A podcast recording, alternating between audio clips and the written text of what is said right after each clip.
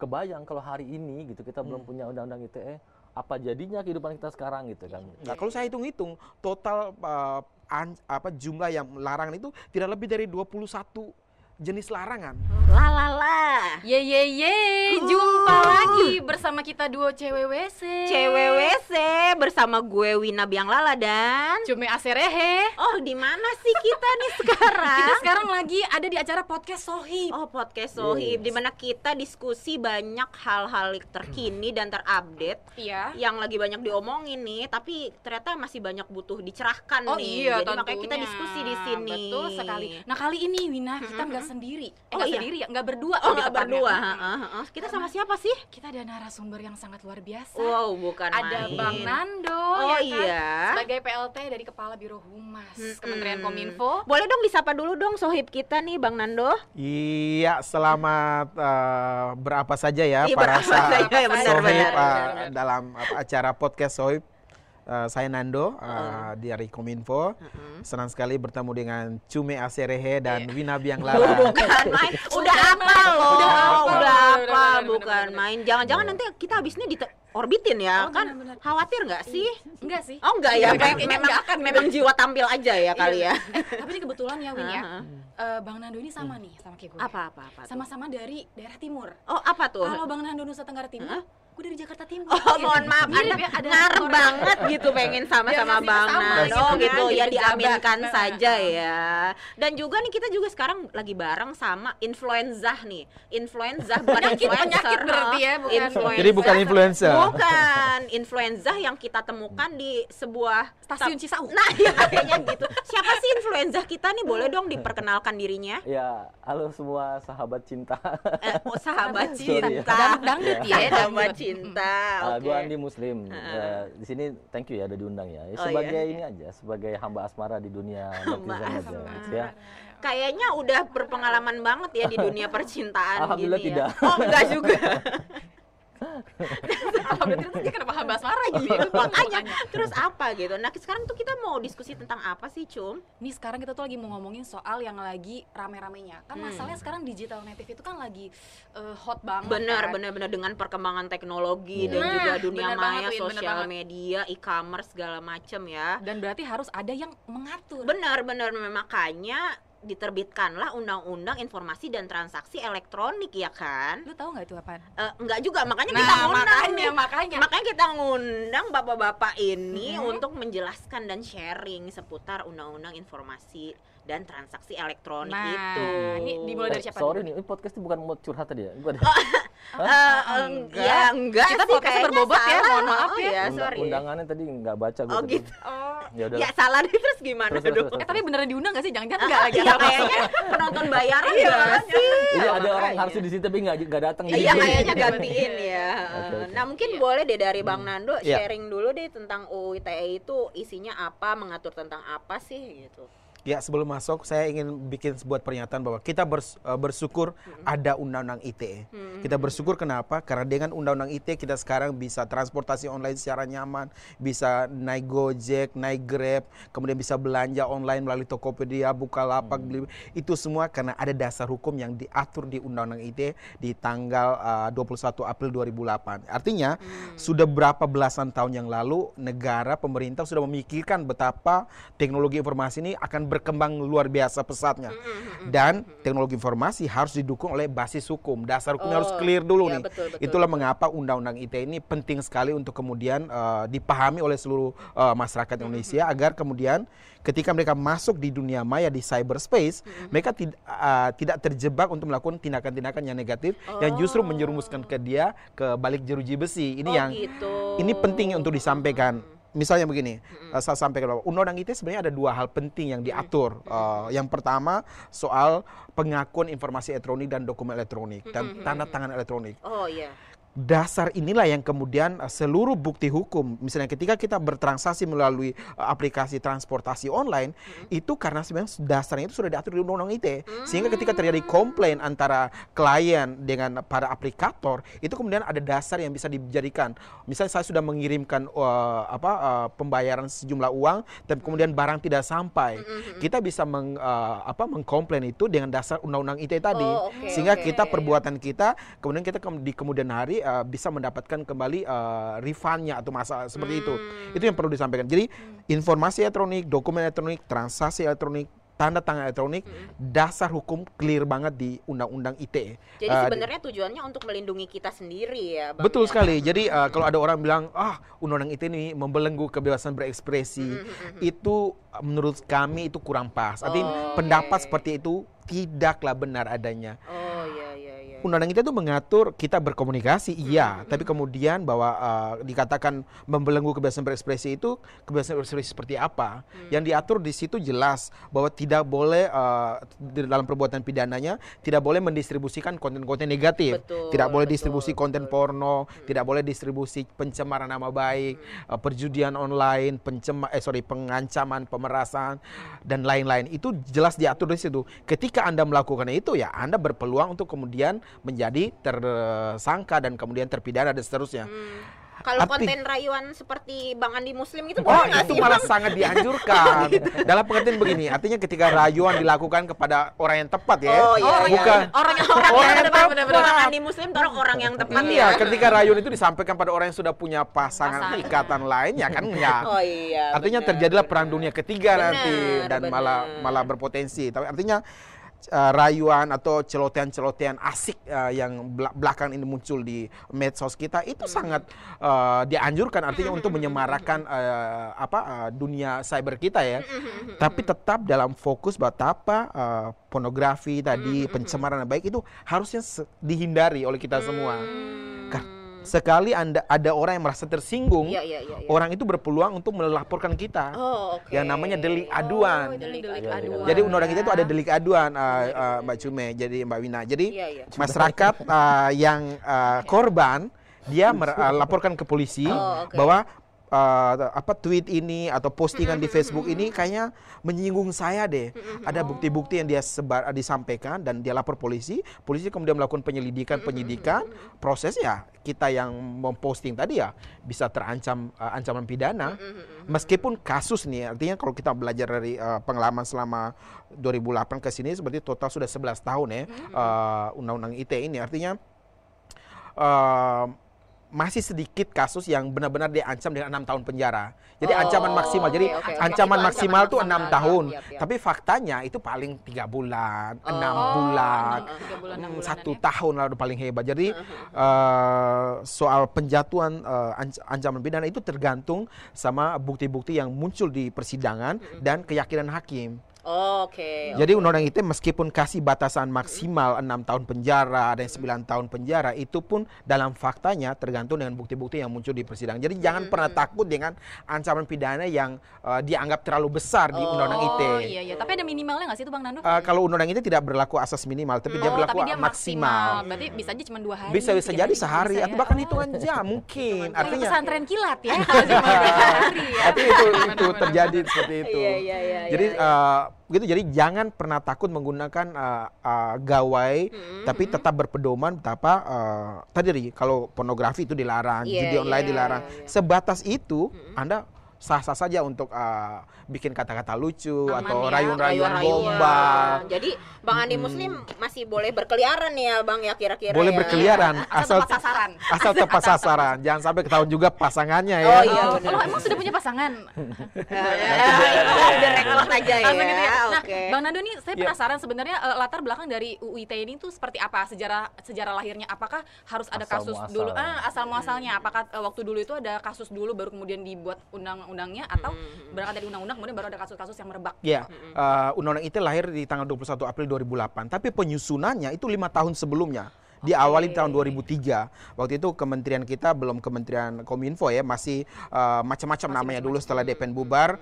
Kemudian eh, situasinya ada dua draft yang disiapkan. Draft yang terkait dengan lebih fokus kepada pemanfaatan teknologi informasi terkait dengan tantangan elektronik, transaksi iya, iya. elektronik. Kemudian ada draft kedua yang terkait dengan perbuatan yang dilarang. Tadi soal Oh, iya. larangan hacking, larangan uh, penyadapan itu. Jadi dua draft itu kemudian disatukan uh, di masa pemerintahan uh, Ibu Megawati sebagai presiden. Lalu dibahas serius itu mulai 2005. Jadi ini ceritanya pas saya masuk PNS di Kominfo 2006, saya langsung terlibat di dalam pembahasan itu di dua, uh, di DPR. Itu maraton itu rapatnya sampai dengan tanggal 21 April 2008 diundangkan oleh uh, Bapak Presiden Bapak SBY saat itu. Jadi alasan mengapa kita mengatur itu semua cyber uh, apa cyber law-nya kita di Undang-Undang IT itu karena di tahun-tahun itu pun sudah muncul kasus-kasus. sudah Meskipun belum besar ya. Oh, iya, Waktu iya, itu iya. itu masih muncul soal apa hacking, Oh, uh, oke. soal judi online.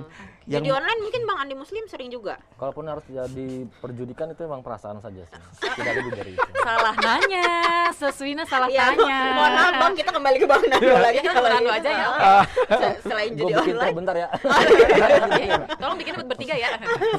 selain judi Uh, online. jadi uh, awal-awal itu memang kejahatan apa uh, internet itu sangat kecil, saat itu masih sangat bisa terukur lah. Iya, iya, Tapi kan namanya hukum tuh harus melihat apa yang terjadi di kemudian hari. Iya, Benar, betul betul. Jadi para uh, uh, pejabat-pejabat kita di Kementerian Kominfo waktu itu di tahun 2005-2006 itu benar-benar udah melihat bahwa ini bakal besar nih sesuatu di masa iya, depan ini sehingga perlu diatur Uh, cukup banyak yang diatur di situ termasuk tadi tantangan elektronik dan seterusnya termasuk larangan-larangan lain selain yang illegal content ya. Ada larangan lain hacking penyadapan kemudian uh, merusak sistem orang lain merusak uh, apa data orang lain itu juga diatur sepenuhnya di undang-undang ITE dan terbukti Iya, uh, iya, iya. artinya prediksi para uh, penyusun undang-undang ITE ini kelihatan dalam beberapa tahun terakhir ini banyak sekali kasus-kasus yang muncul uh, di permukaan di cyberspace ada penipuan online ada fintech ilegal iya, betul, ada betul. orang yang menyaru uh, sebagai orang lain yang Iya. kemudian melakukan tindak pidana misalnya uh, sp- apa uh, spamming dan seterusnya iya. banyak hal yang yang dulu mungkin kami hanya berim, uh, bukan berimajinasi saja apa yang mungkin terjadi di beberapa tahun kemudian ternyata terjadi. Terjadi. Iya terjadi. Dan makanya Kreatif sekali banget. lagi saya uh, menyampaikan bahwa kita bersyukur memiliki undang-undang ITE. Oh gitu. Luar nah, biasa. jadi dari perjalanannya dari tahun 2008 ya Bang ya, Ya. itu ke sini itu menurut Bang Nando itu tren kasus-kasus yang terkait dengan UU ITE itu apakah menurun atau malah meningkat? Nah, dan terus yang banyak itu kasusnya tuh apa sih gitu? Ya, di awal setelah 2008 uh, undang-undang ITE diundangkan, memang yang tren agak naik itu adalah uh, pelaporan tentang pencemaran nama baik. Oke, Oh, iya. Uh, pencemaran nama baik itu cukup tinggi ya. Kita kita ingat ada beberapa kasus Prita Mulyasari, Benar, macam-macam lah. Artinya karena ancaman pidana di undang-undang ITE itu enam tahun penjara Iya, buat iya, si pelaku pencemaran nama baik, sehingga Iya, iya. uh, orang yang merasa korban ini, ah gue laporin dulu aja deh. Toh walaupun nanti tidak masuk pen- eh, apa tidak ke pengadilan pun dia sudah bisa ditangkap atau ditahan. Iya, Itu targetnya sehingga di tahun-tahun awal 2009 2010 cukup banyak laporan terkait dengan pencemaran nama baik. Hmm. Itu yang ditangani Kominfo. Artinya Kominfo eh, selain eh, kita regulator, kita juga eh, apa memberikan kesaksian ahli, keterangan oh, ahli. Oke, Oh, oke. iya. Jadi kasus-kasus yang dilaporkan ke polisi itu sebelum kemudian diproses lebih lanjut, teman-teman penyidik itu bertanya kepada Kominfo, apakah uh, perbuatan tadi memenuhi uh, unsur-unsur pidana undang-undang ITE apa bukan? Nah itu uh, ahli undang-undang ITE lah yang kemudian Iya. menjelaskan, oh Betul, ini betul. begini begini, ini memenuhi unsur, ini tidak memenuhi unsur. Nah di tahun-tahun itu 2008 2009 pencemaran baik cukup tinggi. Ah, Lalu uh, setelah berkaca dari situ, kemudian kita uh, menyiapkan revisinya hmm. revisi Perubahannya uh, ya. perubahannya revisi antara lain menurunkan ancaman pidana untuk pencemaran nama baik Oke. dari semula enam tahun kemudian Menjadi? kita turunkan menjadi empat tahun. Oh. Kenapa empat tahun? Kita melihat bahwa ketika dia di atas lima tahun orang berpeluang untuk kemudian di- langsung ditangkap atau ditahan sebelum proses. Hmm. Ini yang uh, dipakai oleh orang yang mungkin orang menulisnya sedikit banget, tapi Iya. oh, udah gue laporin aja deh. Iya, iya, Ah, iya, iya, benar. iya. Sehingga kasus pencemaran baik cukup tinggi di awal-awal. Tapi setelah kita turunkan, Menurun. uh, lumayan menurun ini. Oh. Kita bersyukur ya betapa bahwa ternyata memang uh, masyarakat setelah kita berikan uh, penyampaian-penyampaian informasi tentang undang-undang ITE, mereka kemudian uh, mediasi dulu. Jadi Iya, nggak main iya. lapor Oh, aja. main lapor. Iya, Uh, betul, jadi kan betul. uh, tok tok dia empat tahun ancaman pidana dan tidak berpeluang untuk ditangkap dan ditahan Iya, sehingga iya, dia iya, tidak iya. laporin lagi atau apa eh, laporannya ber- menurun jauh jumlahnya. Mungkin juga berhubungan dengan Bang Andi Muslim yang udah nggak mencemarkan nama baik orang lain juga kali ya. Jadi nama baik menurun diri si- Oh dirinya iya, sendiri. makanya. Ya, Jadi kan? nggak dilaporin. Iya, dilaporin. Heeh. Dan sempat dengar juga kalau misalnya pasal tersebut tuh dianggap pasal karet nggak sih? Iya, betul, ada rame kan? ya Betul, benar betul, Cume. betul, Jadi betul. Teman-teman kita di eh, apa LSM organisasi apa banyak yang menilai bahwa pasal 27 ayat 3 yang bunyinya antara lain eh, setiap orang dilarang dengan sengaja dan tanpa hak mendistribusikan dan atau mentransmisikan dan atau membuat dapat diaksesnya informasi elektronik dan atau dokumen elektronik yang memiliki muatan eh, pencemaran atau penghinaan nama baik. Itu diang- yang pencemaran nama baik itu dianggap bisa melebar. Bisa orang mengkritik eh, seseorang dalam konteks pekerjaan itu kemudian dianggap mencemarkan. Iya, iya, Ini iya, yang oleh sejumlah netizen dianggap karet di situ. Oh, Tapi iya, sebenarnya batasan clear kami di Kominfo kalau dimintai keterangan ahli itu clear banget bahwa yang disebut mencemarkan nama baik adalah menyerang, menyerang reputasi. Oh, Benar-benar reputasi. iya, iya. Saya menjelek-jelekan eh, Bang Andi Muslim dalam konteks individu personal. Clear Tapi ya? clear di situ. Tapi Iya, ketika saya mengkritik pekerjaan Bang Andi Muslim di uh, sebagai influ apa, apa sebagai misal ASN atau dan seterusnya atau cume di uh, apa Kominfo misalnya, saya mengkritik dalam konteks pekerjaan, itu kritik. Itu Oke. tidak bisa memenuhi unsur pencemaran yang baik. Oh, baik. Oke. Artinya yang disebut karet atau tidak karet ini adalah soal penerapan hukumnya. Iya. Oh, Nah, iya. penerapan hukum kami benar-benar di Kominfo jaga ketat itu. Hmm. Ketika Kominfo dimintai keterangan ahli, kita jaga di situ. Oh, konteksnya apa nih? Hmm. Kalau ini kayaknya lebih tepat sebagai kritik deh. Ini tidak memenuhi Oh, unsur. iya, benar. kami mengawalnya di situ Iya, sehingga iya, kemudian iya, eh, ketika orang bilang mencap ini karet ya enggak, ini bukan karet. Iya. Ini clear bahwa Iya. ada satu dua kasus ya nama semua eh, dalam penegakan hukum kadang-kadang yang namanya orang hukum ya Betul. dua orang hukum berkumpul itu tiga pendapat Oh, Iya. tiga orang berkumpul ya 10 pendapat. Betul. Punya pendapat yang berbeda-beda itu yang kemudian terkesan eh, pasal di undang-undang ITE Karet. karet. Padahal Gitu. sebenarnya udah clear dan aturan juga jelas, cuman kadang-kadang masyarakatnya yang pada baper. Benar. Iya. Ya kan? Dikit-dikit lapor, dikit-dikit dikit-dikit lapor. Nah kalau Bang Andi Muslim ini punya pengalaman nggak sih? Mungkin ya itu tadi mencemarkan nama baik orang lain atau mungkin nama baiknya sendiri yang dicemarkan gitu. oh ini kayaknya pan- Iya. agak panjang ya. saja mencemarkan sungai Tolong ya. editor eh, backsound lagu sedih juga ya ini ya untuk ini. Saya sudah siapkan puisi sebetulnya, Oke. Woi, coba, coba, coba kita dengar. berikutnya aja. Oh ya. buat episode. Kenapa mesti puisi ya? Kenapa ya? Ada dari dalam yang harus keluar. Oh gitu. Oke. Jadi mencek orangnya, eh salah kan dari Cisauk. Oh iya benar influenza Infor- kita informasinya udah nempel ke mana-mana. Benar, kalau menurut saya gitu ya, memang ini tapi nyambung dulu nih Iya, nyambung Iya. Dulu, Nando sampaikan tadi. Memang ternyata kalau dari kacamata saya sebagai seorang pesakitan ya, maksudnya dalam hal Anda sendiri yang mengklaim Anda- mengklaim Anda komunikasi yang tidak ya. sehat. Soalnya gitu. influenza. Eh, influenza. Iya, betul. oke. Kayak tukang sampah ya. Jadi gini, eh, apa namanya, memang eh, undang-undang ITE ini adalah suatu produk hukum yang sangat responsif sebetulnya dan juga eh, menyikapi tantangan masa depan. Jadi tadi dengerin Mbak Nando ngobrol, gitu, ngomong cerita soal dinamikanya itu, kebayang kalau hari ini gitu kita belum punya undang-undang ITE, apa jadinya kehidupan kita sekarang gitu kan? Karena memang begini. eh, perkembangan teknologi semua itu sudah memungkinkan kita untuk melakukan berbagai hal yang mungkin 10 tahun ke belakang se- sebelumnya belum kebayang gitu ya. Dan itu juga pada saat yang sama membuka banyak sekali jendela-jendela lain yang eh, berpotensi untuk menjadi negatif gitu. Nah, baik lagi nih eh, apa gue duduk di sini walaupun bukan undangan nyelip tadi di tengah-tengah gitu ya gitu. ya. Lagi naik kereta di- ditarik gitu kan suruh turun gitu. Sebagai warga net gitu, sebagai net, eh, netizen gitu ya. Melihat memang eh, banyak sekali eh, apa namanya hal-hal yang kemudian negatif dulu nggak kebayang mungkin akan jadi kejadian tapi ternyata hari ini kejadian contoh ya misalnya gini jadi ada beberapa follower saya dari yang sekit, sekitar 15 juta itu Wih, gitu ya. bukan Oke. main. Itu 15 juta Ini- anak itik apa gimana? Ah, ah, the real influenza ya. itu buat semua sih ju- jual produk kesehatan semua Iya. jadi mayoritas sorry itu saya banyakkan bucin isinya gitu Oh, budak oke. cinta. Nah, jadi eh, sekarang kayak gini, tiba-tiba ada yang laporan anak anak perawannya hilang, Hmm. entah ke mana. Ternyata karena kenalan sama sama cowok di Facebook gitu. Namanya Andi Muslim bukan tapi? Oh itu saya lawan lo yang oh, oke. Facebook. Ya, ya, ya, ya. Sorry, itu kan sorry. kejadian yang kemudian nggak pernah terbayangkan sebelumnya. Tapi ternyata dengan adanya eh, perkembangan eh, apa namanya informasi dan teknologi hari ini muncullah itu. Jadi tadi yang Mbak Nando sampaikan, saya rasa oh itu harusnya teman-teman yang nonton juga yang dengerin sekarang lebih terbuka lagi eh, perspektifnya bahwa memang ini dua mata pisau gitu ya. Pemerintah hadir di situ, makanya terima kasih Bang Nando ya atas penjelasan tadi. Untuk kemudian mengantisipasi potensi yang kemudian jadi negatif, tapi mengoptimalisasi potensi-potensi yang positifnya tadi gitu. Kita belum bicara e-commerce, belum bicara bisnis yang lain apa segala macam. Nah, budaya-budaya para netizen yang kemudian masih tergagap ini yang kemudian harus kita per- eh, jaga antisipasi dengan adanya undang-undang ITE ini. Jangan sampai juga kemudian saking bapernya kemudian mereka me- mencurahkan isi hatinya di timeline di mana semua orang bisa baca, semua orang bisa dengerin. Ya, saya sebagai tukang nyampah juga di situ akhirnya mau nggak mau jadi belajar juga. Jangan sampai kemudian orang tahu oh saya orangnya baperan, saya gampang Iya. nangis gitu Nah, di belakang. iya. Boleh boleh nyampah tapi berfaedah ya. Nah, bukan main. Uh, Iya gitu.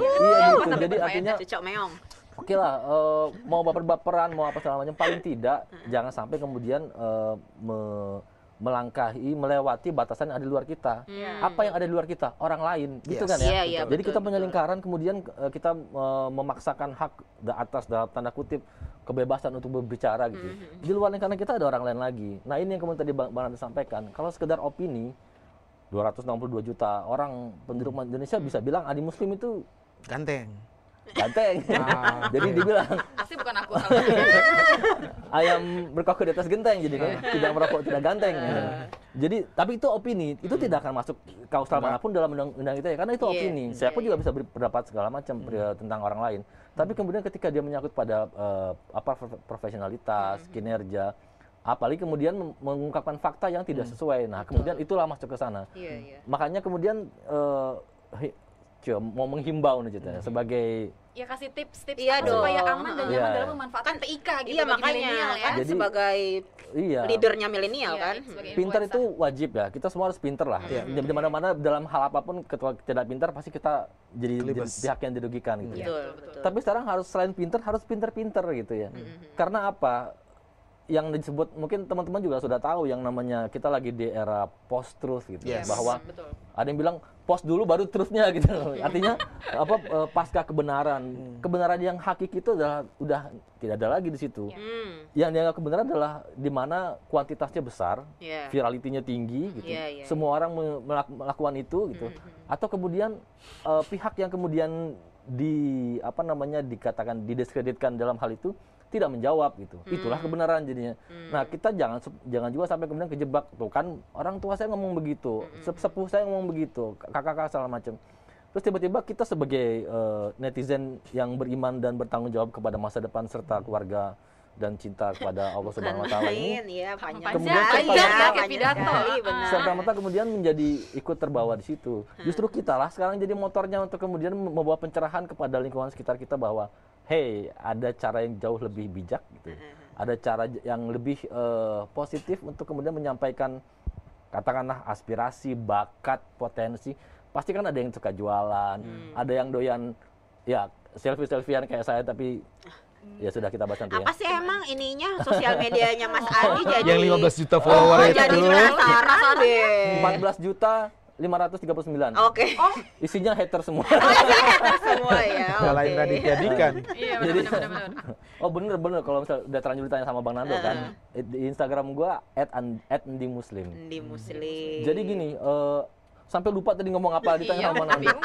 Panjang sih abisannya kan. Ya, pokoknya Jadi dengan gini, cinta-cinta lah Iya, ya. Kita punya semua punya potensi ya, punya eh, kelebihan, bakat segala macam. Selama itu kemudian koridor itu menunjukkan bahwa kita punya eh, kemampuan, silakan saja. Yang penting tidak yang tadi saya bilang itu di luar lingkaran kita ada orang lain gitu. Yes. Iya, iya, memikirkan orang lain juga Oh, gitu lu ya.